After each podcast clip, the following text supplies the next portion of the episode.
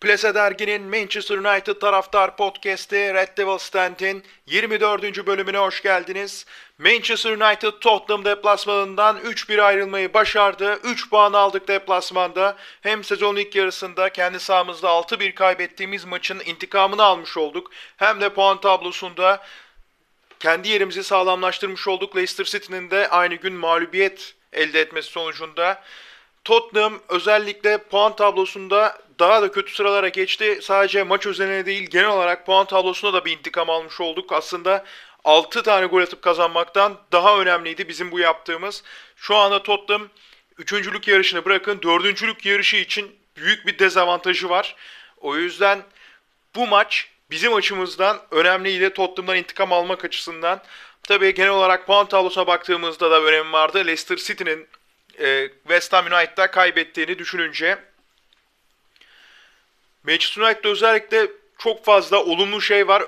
Hatta Manchester United'ı geçtim. O Solskjaer üzerine çok fazla olumlu şey var bu maç sonucuyla beraber. Solskjaer'e gerçekten hani hem Manchester City maçından sonra da tebrik etmiştik.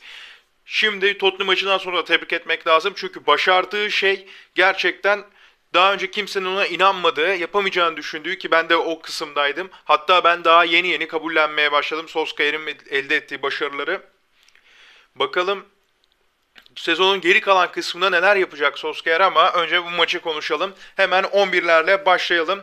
Tottenham 4-3-3 ile sahadaydı. Kalede Loris, defansta Reguilon, Rodon, Dyer ve Aurier, orta saha Ndombele, Højbjerg ve Lo Celso, ileri hatta Heung-Min Harry Kane ve Lucas Moura vardı Tottenham'da. Biz 4-2-3-1'ler her zamanki gibi sahaya çıktık. Kalede Dean Henderson, defans Luke Shaw, Maguire, Lindelöf, Aaron Van Bissaka, orta saha Fred McTominay, kanatlar Pogba ve Rashford, forvet arkası Bruno Fernandes, ileri uçta Edinson Cavani ile başladık. Yedeklere baktığımızda ise Greenwood, Mata, Matic, Alex Telles, Diallo, Tuanzebe, Brandon Williams, David De Gea ve Donny van de Beek yer alıyordu. İlk 11'lere bakınca aslında çok konuşulacak ya da çok değişik bir karar yok. Sadece şunu söyleyebiliriz bizim adımıza. Artık Premier Lig maçlarına Dehea'yı değil Dean Henderson'ı görmeye alıştık. Ki hiç de sırıtmıyor gayet güzel performans gösteriyor ona olan beklentimizi karşılıyor diyebiliriz şu anda en azından. Dean Henderson özellikle bu maçta yaptığı birkaç tane de çok kritik kurtarış var. Onlardan da bahsedeceğiz yine ama şunu söyleyebiliriz ki Deha'ya artık bence takımdan gitse çok üzülmeyiz ya da şu kaleci bulmak için muhtemelen az kaleci arayışına girmeyiz. Sadece yedek kaleci bulmaya çalışırız. En azından şu anki tabloda gözüken durum bu. Onun dışında 11'e baktığımızda zaten her zamanki bildiğimiz defans dörtlüsü her zamanki bildiğimiz defans sıkıntıları da mevcut. Orta sahada McTominay ile Fred ikilisini gördük. McTominay geçen maçta oynamamıştı ligde. Pogba orta sahada başlamıştı ama şimdi Pogba'yı kanatta izleyince hem Pogba açısından daha rahat bir oyun oldu. Hem de McTominay'in olması Fred'le beraber olması özellikle bizim için ne kadar önemli olduğunu tekrar hatırlamış olduk bu maçta. Onun dışında Greenwood yedekteydi aslında Rashford'un geçen maçta sakatlığı vardı. Rashford bu yüzden oynamayabilirdi deniliyordu ama oynadı belki de kendisini zorladı Tottenham maçı için. Sonrasında zaten oyundan da çıktı. Yerine Mason Greenwood girdi ve Mason Greenwood da gerçekten maçın yıldızlaşan ismiydi Edinson Cavani ile beraber. Oyuna sonradan girdi. Hem bir asist hem bir gol. Gerçekten bu sezon şu ana kadarki olan e, kötü performansını artık artışa geçirdi orada. Tıpkı geçen sezon sonunda olduğu gibi bu sezon sonunda da doğru da performansı yükselişte. Umarız böyle devam eder bundan sonra en azından sezon bitene kadar. Çünkü onun performansı sadece şu an için değil gelecek için de bizim için çok kritik. 11'ler bu şekildeydi. Hemen maçın olaylarına geçelim. Aslında iki takım da çok istekli başladı. İki takım da maçı kazanmak istedi. Hani bu şekilde başlıyorlar. Bunu şu yüzden söylüyorum. Manchester United'ın daha önce büyük altılı takımlara karşı oynadığı maçlara baktığımızda Manchester United aslında beraberlik için çıktığını sahaya çok belli ediyordu. Ki bu maç için de aslında beraberlik için çıkabilirdi. Çünkü hem deplasmanda Tottenham'a karşı hem puan tablosunda artık kaybedecek hiçbir şey kalmamış bir takıma karşı hem de üstüne Leicester aynı gün maç kaybetmiş. Hani maçı bu maçı kaybetse bile Manchester United işin aslında çok da kötü bir durumda olmayacaktı puan tablosunda. Ama Manchester United ne yaptı? Sezon ilk yarısındaki maçlardaki gibi değil. Tam tersi istekli bir şekilde, savaşan bir şekilde sahaya çıktı. Ve Tottenham'da zaten aynı mentalitede olunca gerçekten güzel bir başlangıç oldu diyebiliriz. İki takım da tehlikeli pozisyonlar buldu, fırsatlar buldu. Karşılıklı ataklar izledik. Fakat şunu söylemek lazım. Bizim iptal edilen golümüz var. O golle bu arada gerçekten McTominay'ı Fred'e pası, Fred'in Pogba'ya, Pogba'nın Cavani o paslaşma örgüsü çok güzeldi. Cavani'nin tam bir yaşlı kurt olduğunu kanıtladığı bir golde hatta diyebiliriz kesinlikle ama pozisyonun başında McTominay'in sona yaptığı faul yüzünden gol iptal edildi. Biraz o gole bakarsak hani iptal edilmesi doğru mu tartışılıyor gerçekten. Hani şu tartışılıyor, kural tartışılıyor. Aslında iki oyuncu orada temasta ve zaten normalde de McTominay o hareketi yapmasa da top McTominay'da olduğu için, avantaj onda olduğu için o hareketi yapmasının faul olmaması lazım deniliyor. Fakat şunu da düşünmek lazım. Belki de avantaj McTominay'dayken son gelip o topu oradan alabilir sonuçta. Böyle bir ihtimal de var yani. Eğer ihtimallere bırakırsak işi hiçbir zaman ortak noktada buluşamayız. Sadece kesin standart kuralların olması lazım. Burada kural dışı bir şey yapıyor mu McTominay? Rakibinin pozisyonunu bozacak bir şey yapıyor mu? Yapıyor. Belki istemeyerek yapıyor. Gayri ihtiyarı yapıyor zaten. Muhtemelen isteyerek yaptığını zannetmiyorum ama orada yaptığı hareket foul diye düşünüyorum ben en azından. Hani yanlış bir karar çıktığını düşünmüyorum. Ama şunu da söyleyeyim. McTominay eliyle elini sonun suratına sallamadan öncesinde de son aslında McTominay bir hareket yapıyor. Sonrasında McTominay de ona karşılık olarak o hareketi yapıyor ama yani bu da değerlendirilmeli işin aslında. Eğer kuralları tartışacaksak e peki sonun yaptığı neydi diye de insan soruyor. Yani aslında kışkırtı gibi bir şey var orada McTominay'in. Onun dışında zaten gol e, iptal edildi. Gol iptal edildikten sonra bizim oyuncularımızın maalesef metre olarak düşüklüğü gerçekten yansıdı. Özellikle bunun üstüne bir de Tottenham'ın temaslı oyunu eklenince zaten hani demin dedim son da aslında McTominay'dan önce elini sallıyor. McTominay kışkırtıyor. Bu klasik Mourinho takımının oyuncularında yani gördüğümüz şeyler. Mourinho zaten hatta Amazon'da Tottenham'ın belgeselini izlediyseniz orada da mutlaka görmüşsünüzdür soyunma odasında özellikle oyunculara telkin ettiği şey Mourinho'nun.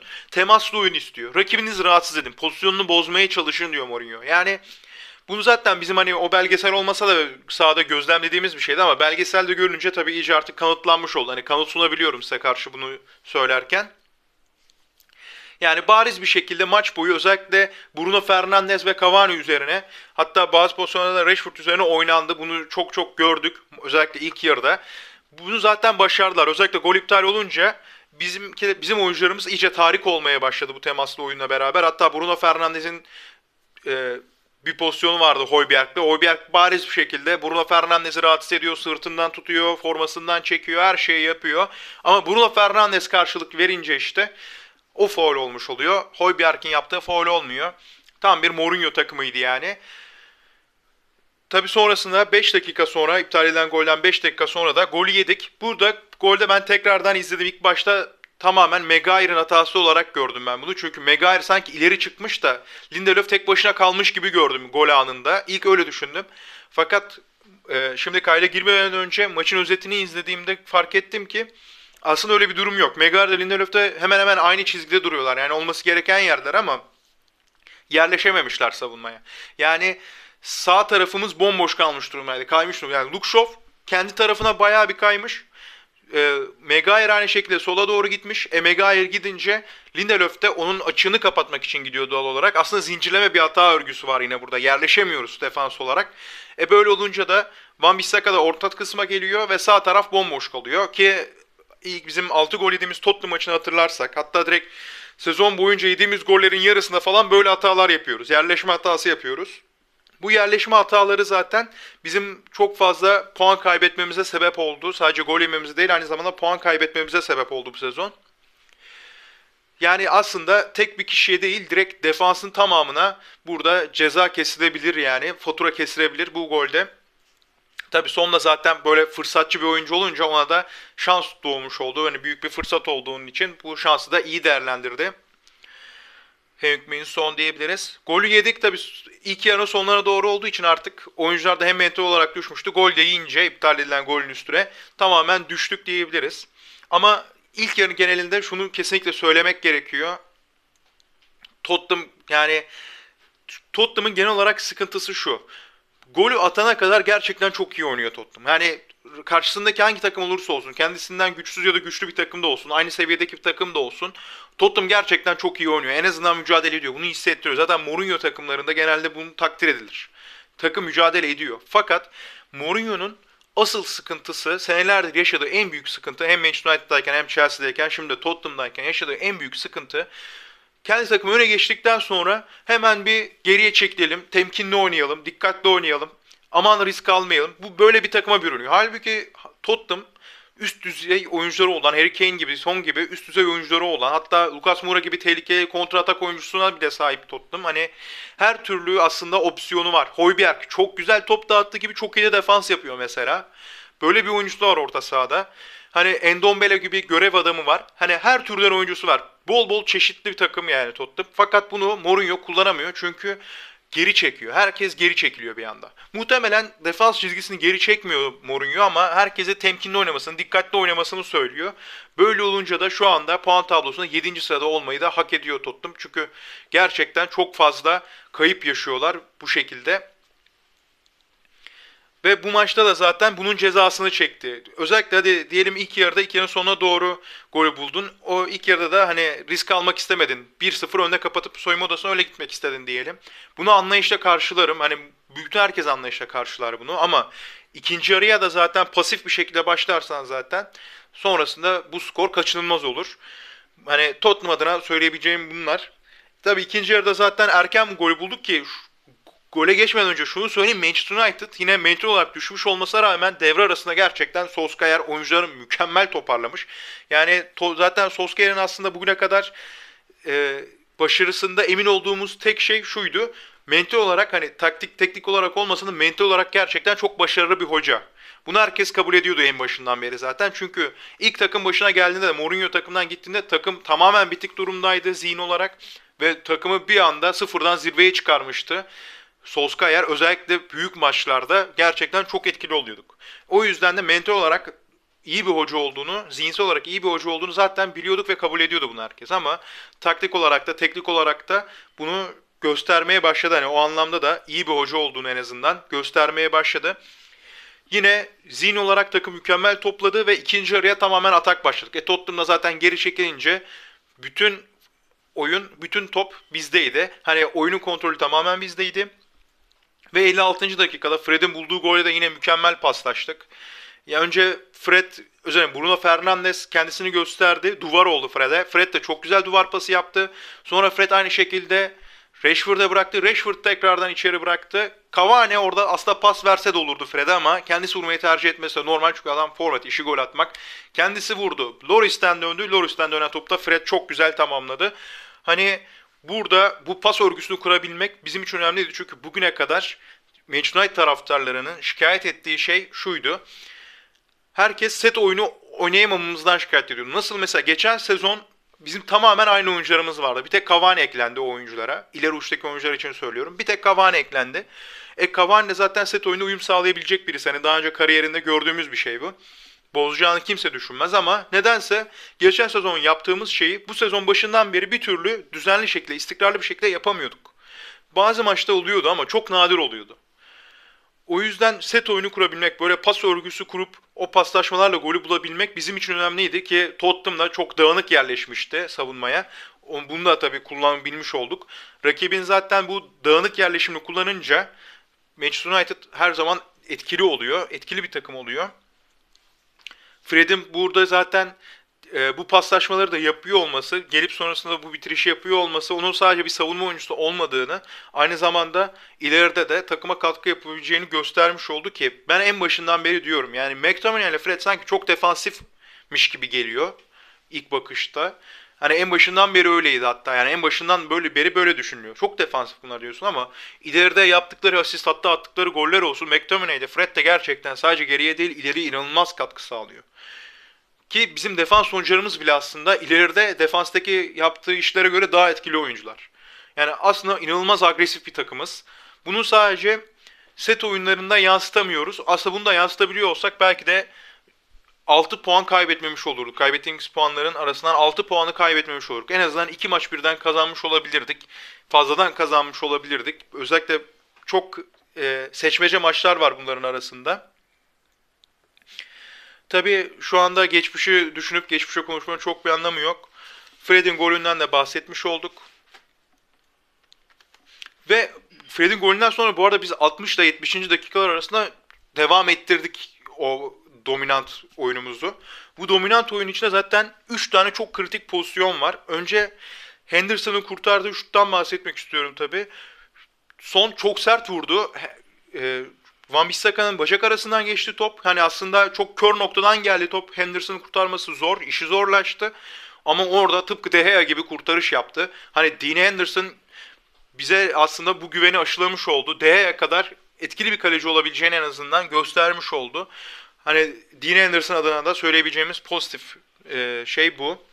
63. dakikada Bruno Fernandes'in uzaktan çektiği bir şut var. Gerçekten çok sert ve etkili vurdu. Hem de zor bir noktaya vurdu. Hani köşeye, uzak köşeye sert bir top çıkardı ama tabii Hugo Lloris de kaleci de güzel kurtardı ki Lloris zaten e, çok da şaşırmamak gerekiyor Lloris'in böyle kurtarışlar yapmasına. Ve 66. dakika bu pozisyondan 3 dakika sonra yine çok kritik bir pozisyon vardı ki Lukşov hani bu sezon kendisini atakta ne kadar geliştirdiğini gösterdi bu pozisyonla beraber. Ayağının dışıyla uzak tarafa mükemmel ortaladı Lukşov. Hani gerçekten hani bu ortaları abartmıyorum. Roberto Carlos'tan falan hani Cafu'dan bu tip beklerden görürüz. Ama Shaw öyle bir orta yaptı ki gerçekten dudakları ısırttı ve ben hala inanamıyorum bu sezon Luke Shaw adına bu kadar olumlu konuşabildiğimi. Çünkü Luke Shaw'un en büyük düşmanlarından biriydim açıkçası. Yani Luke Shaw mükemmel ortaladı. Orada Bruno Fernandes yanılmıyorsam topu Pogba'ya çeviren. Pogba'ya çevirdi. Altı pasını orada. Pogba ters ayağına denk gelince orada estetik bir vuruş yapmayı, yapmayı denedi. Aslında vurdu da. Vuramadı değil vurdu ama orada defansta yanılmıyorsam daha yer e, Dayer'de aynen. Erik Dayer ayak koyup çıkarttı, bloke etti diyebiliriz. Pogba'nın o vuruşunu ama hani orada bloke etmese de gol olmayabilir çünkü Loris'in üstüne gidiyor gibiydi. Sonuç olarak burada olumlu şey sol bekte Luke Shaw'un gösterdiği performans ileri hatta atak anlamında kendisini ne kadar geliştirdi. Hani sıfırdan zirveye çıktı diyebiliriz. Gerçekten milli takımda olmayı gerçekten hak ediyor. Hani Alexander Arnold'un çağrılıp çağrılmaması konusuna girmiyorum. O farklı bir konu ama Lukşov kesinlikle hak ediyordu milli takımda olmayı bu performansıyla. Hak ettiğini aldı. Ve 70. dakikada Mason Greenwood oyuna girdi. Marcus Rashford oyundan çıktı. Hani dedik zaten Rashford'un geçen hafta sakatlığı vardı. Oynamayabilirdi ama bu maç muhtemelen zorlamak istedi kendisini. Takımı yalnız bırakmamak için. Tam bir kahraman gibi.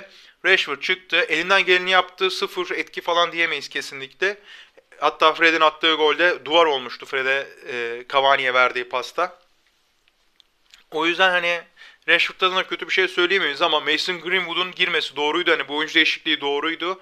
Ve Mason Greenwood gerçekten mükemmel bir oyun çıkardı. Yapması gerekeni yaptı. Hani ben sezon başından beri diyorum zaten. Bu çocuk kötü oynasa bile ertesi hafta yine forma almalı. Yani forma giymeli ve süre almalı. Az da olsa süre almalı. Çünkü genç oyuncu böyle tecrübelenecek. Böyle hatalarını geliştirebilecek, hatalarını düzeltebilecek.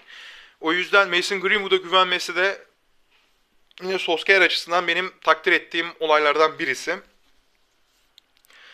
Tabii 78. E, dakikada da zaten hani oyuna girdikten 8 dakika sonra da gelişine yanılmıyorsam çok güzel bir orta açtı. Orada da hani Edinson Cavani muazzam bir kafa vuruşu. Yani diyecek bir şey yok. Gerçekten diyecek bir şey yok. Muazzam bir kafa vuruşu yaptı. Ve bizim Cavani'den gerçekten sezon başından beri beklediğimiz o estetik golü gördük. Hani Cavani tamam çok fazla gol atan bir oyuncuydu kariyeri boyunca ama aynı zamanda çok fazla estetik gol de atan bir oyuncuydu. Sezon başından beri bunu bekledik ve sonunda istediğimizi aldık diyebiliriz ama şunu da belirteyim yine kafa golü. Bu adam ayakla attı maçta ama iptal edildi. Hatta ben ayağıyla vurdu golü oldu çok şaşırdım. Hani gol olmasından ziyade ayağıyla atmış olmasa çok şaşırdım. Çünkü şu an Premier Lig'de Calvert Lewin'den sonra en fazla kafa golü atan oyuncu Edinson Cavani.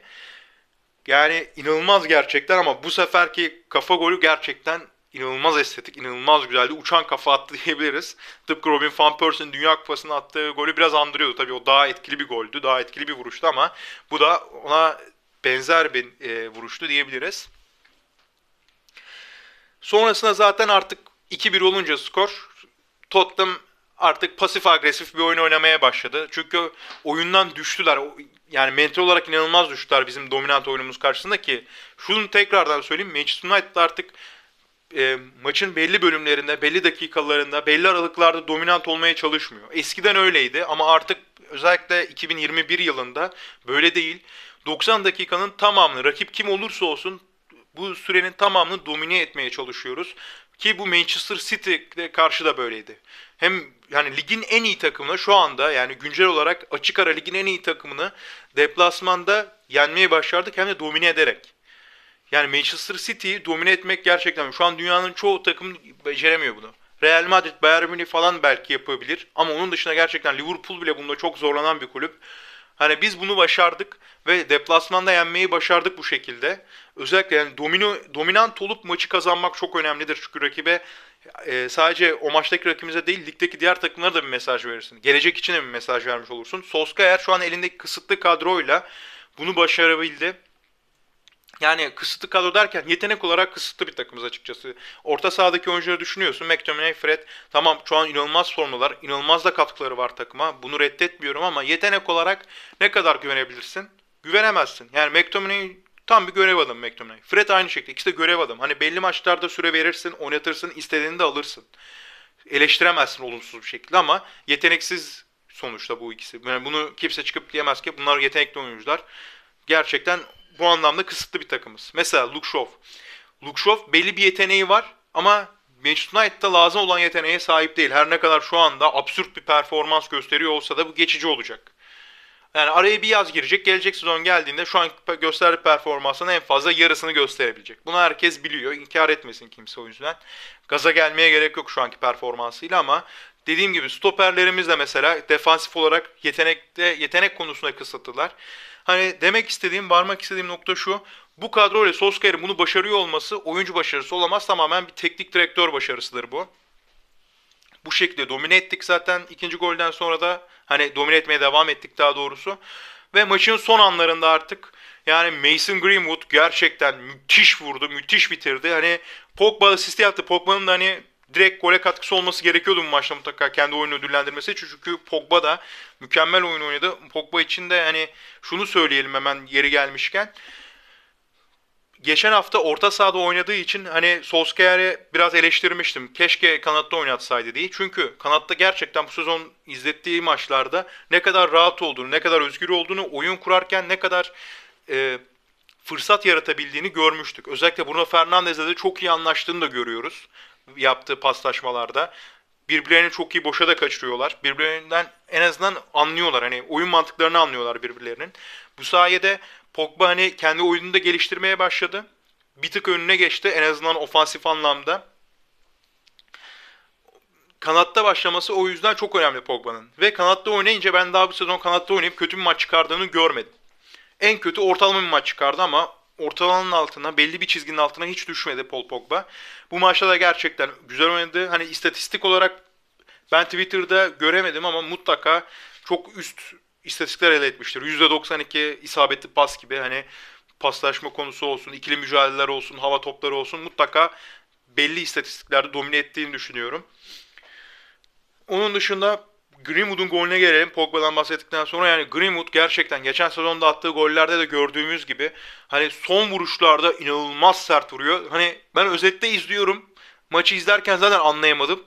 Topun fileye çarptıktan sonra çıkardığı seste gol olduğunu anlayabildim. Ama özette izlerken bile bilerek izliyorsun o golü olacağını pozisyonu bilerek izliyorsun. Ona rağmen anlayamıyorsun top nasıl gidiyor. İnanılmaz sert vuruyor. Özellikle kısa mesafeden o kadar sert vurunca kalede Loris değil. Oraya 5 tane Loris koy o topu yine çıkartamaz çünkü inanılmaz sert. Yani topa müdahale etmeye kalksa kendi eliyle beraber hatta vücuduyla beraber kalenin içine girer yani.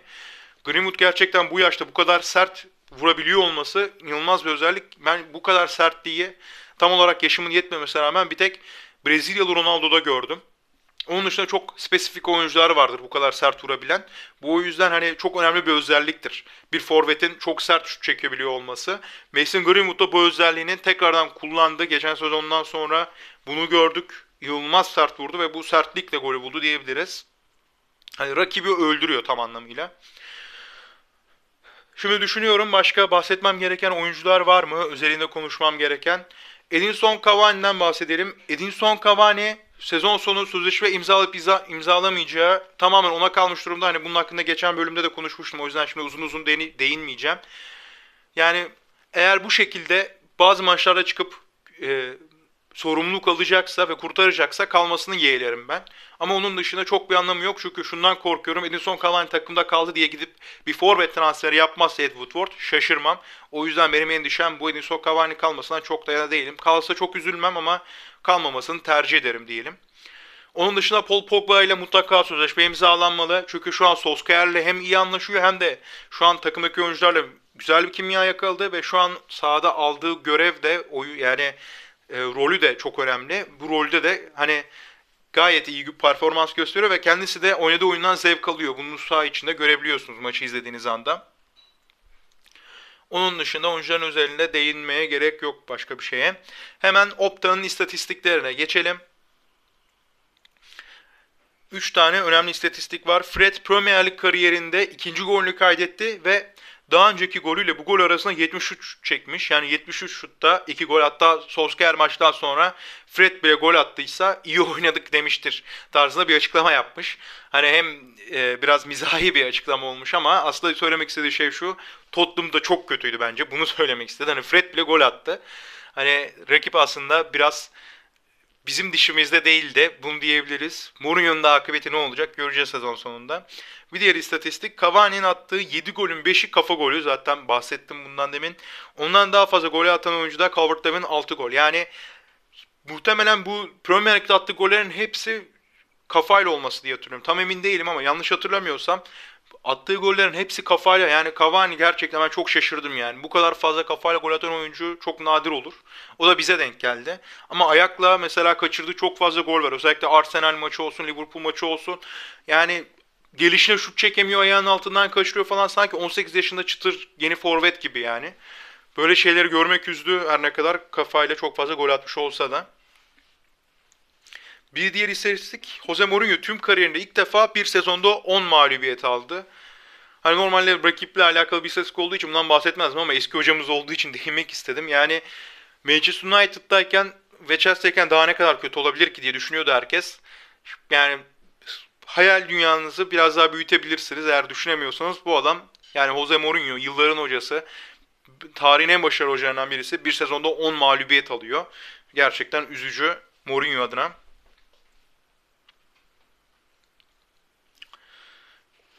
Ee, başka istatistikler de var yine bahsetmem gereken. Tottenham mesela 18 puan kaybetmiş bir sezonda. Yine e, Mourinho ile alakalı bir istatistik bence Tottenham'dan ziyade. Ve Manchester United deplasmanda 23 maçtır kaybetmiyor. En son böyle bir seriyi Arsenal Nisan 2003 ile Eylül 2004 arasında yakalamış 27 maç. Yani deplasmanda bu kadar uzun süre maç kaybetmemek genel olarak maç kaybetmemekten daha önemli. Çünkü bu bizim 23 maçlık fikstüre baktığınızda içinde Manchester City var. Şimdi Tottenham var. Çok önemli kritik maçlar var. Leicester var kaybetmedik. Yine Leicester'ın en önemli olduğu maç yani e, performansının yüksek olduğu dönemlerden birisine denk gelmişti o maç. Onun dışında düşünüyorum hani çok önemli maçları kazandık ya da en azından kaybetmedik. Bu bakalım daha nereye gidecek. İlk sezon başında toplamda 10 maçta deplasmanda kaybetmiyor gibiydi falan. Hani 10'da biter, 9'da biter falan deniliyordu ama 23'ü görmeyi başardı. Ole Gunnar Solskjaer. Yine tebrik edecek, takdir edecek çok var, çok şey var Solskjaer'e. Ve Mason Greenwood oyuna sonradan girip hem asist hem gol atan en genç oyuncu oldu Manchester United tarihinde. Bunu daha önce yapabilen tek kişi de Cristiano Ronaldo. Şimdi maçın olaylarından bahsettik. İstatistiklere baktık. Hemen hızlıca bir puan durumuna bakalım. Puan durumunda da Manchester City hem Manchester City kaybetti hem Leicester City kaybetti bu hafta. Birisi birinci, birisi üçüncü. Ve Manchester City'nin maç fazlası var. Eğer biz bu maç fazlasını eşitlediğimizde, hani maç sayısını eşitlediğimizde Manchester City ile e, ve eğer biz de kazanmış olursak tabii ki o zaman 8 puanlık bir fark olmuş olacak. Şu an 11 puan fark var. 8 puanlık bir fark olacak ve tabii ki çoğu Manchester United'ın kabusu olan 2012 senesini aklına getiriyor bu. 2012 senesinde hatırlarsanız Manchester City 6 maç kala 8 puanlık farkı kapatıp son maçta hatta 90 artılarda şampiyon olmuştu maalesef. Şampiyonluğu kaptırmıştık Manchester City'ye. E şimdi insanın aklına ister istemez geliyor. Acaba biz de yapabilir miyiz diye. Ama kıyaslayınca şimdi iki takımı yani bakıyorsun o zaman Manchester City ile şu anki Manchester United arasında ciddi bir kadro kalite farkı var. Hem bu anlamda zor hem de fikstür olarak baktığımızda Manchester City'nin şu anki fikstürü bizim şu anki fikstürümüze göre daha kolay.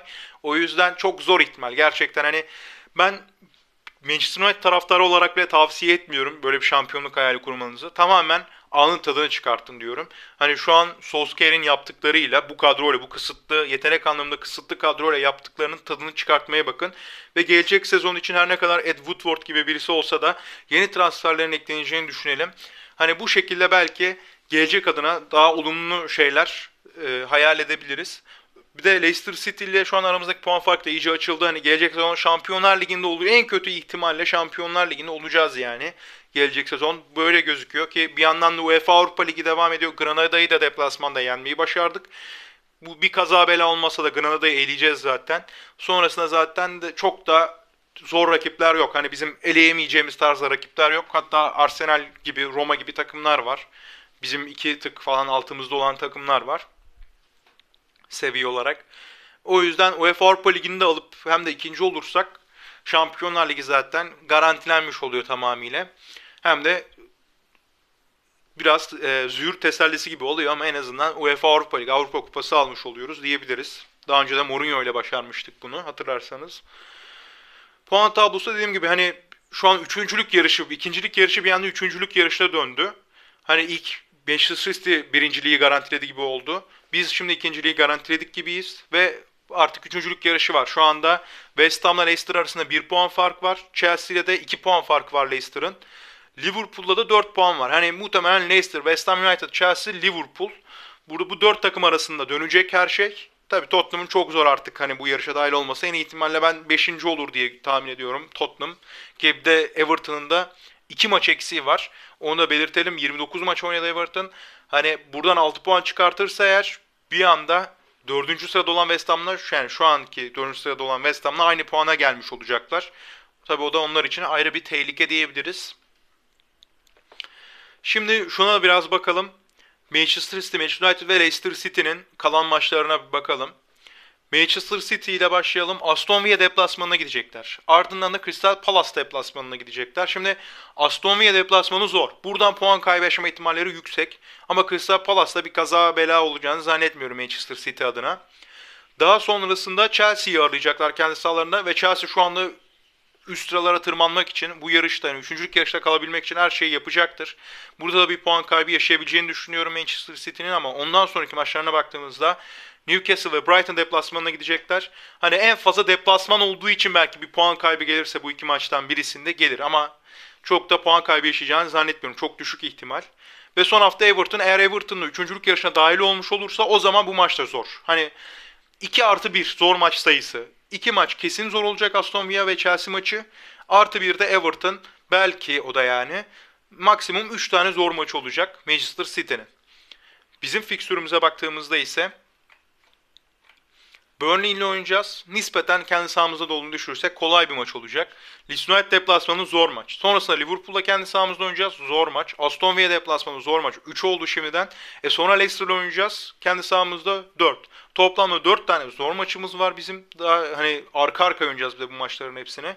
Sonra Fulham'la Wolverhampton maçları var. Bu maçlarda biraz daha rahatlamış oluruz ama artık eşitten de geçmiş olur muhtemelen Manchester City puan kaybı yaşamazsa onlar da garantilemiş olurlar diye düşünüyorum şampiyonluklarını artık son iki haftaya da bir olay kalmaz diye düşünüyorum. O yüzden gerçekten çok çok çok düşük bir ihtimal bizim şampiyonluk yarışına girmemiz. O yüzden Leicester City'ye bakalım. Bizim çünkü zorlu fikstürden halen daha ne kadar şu anda çok iyi durumda olsak da puan kaybı yaşama ihtimalimiz var.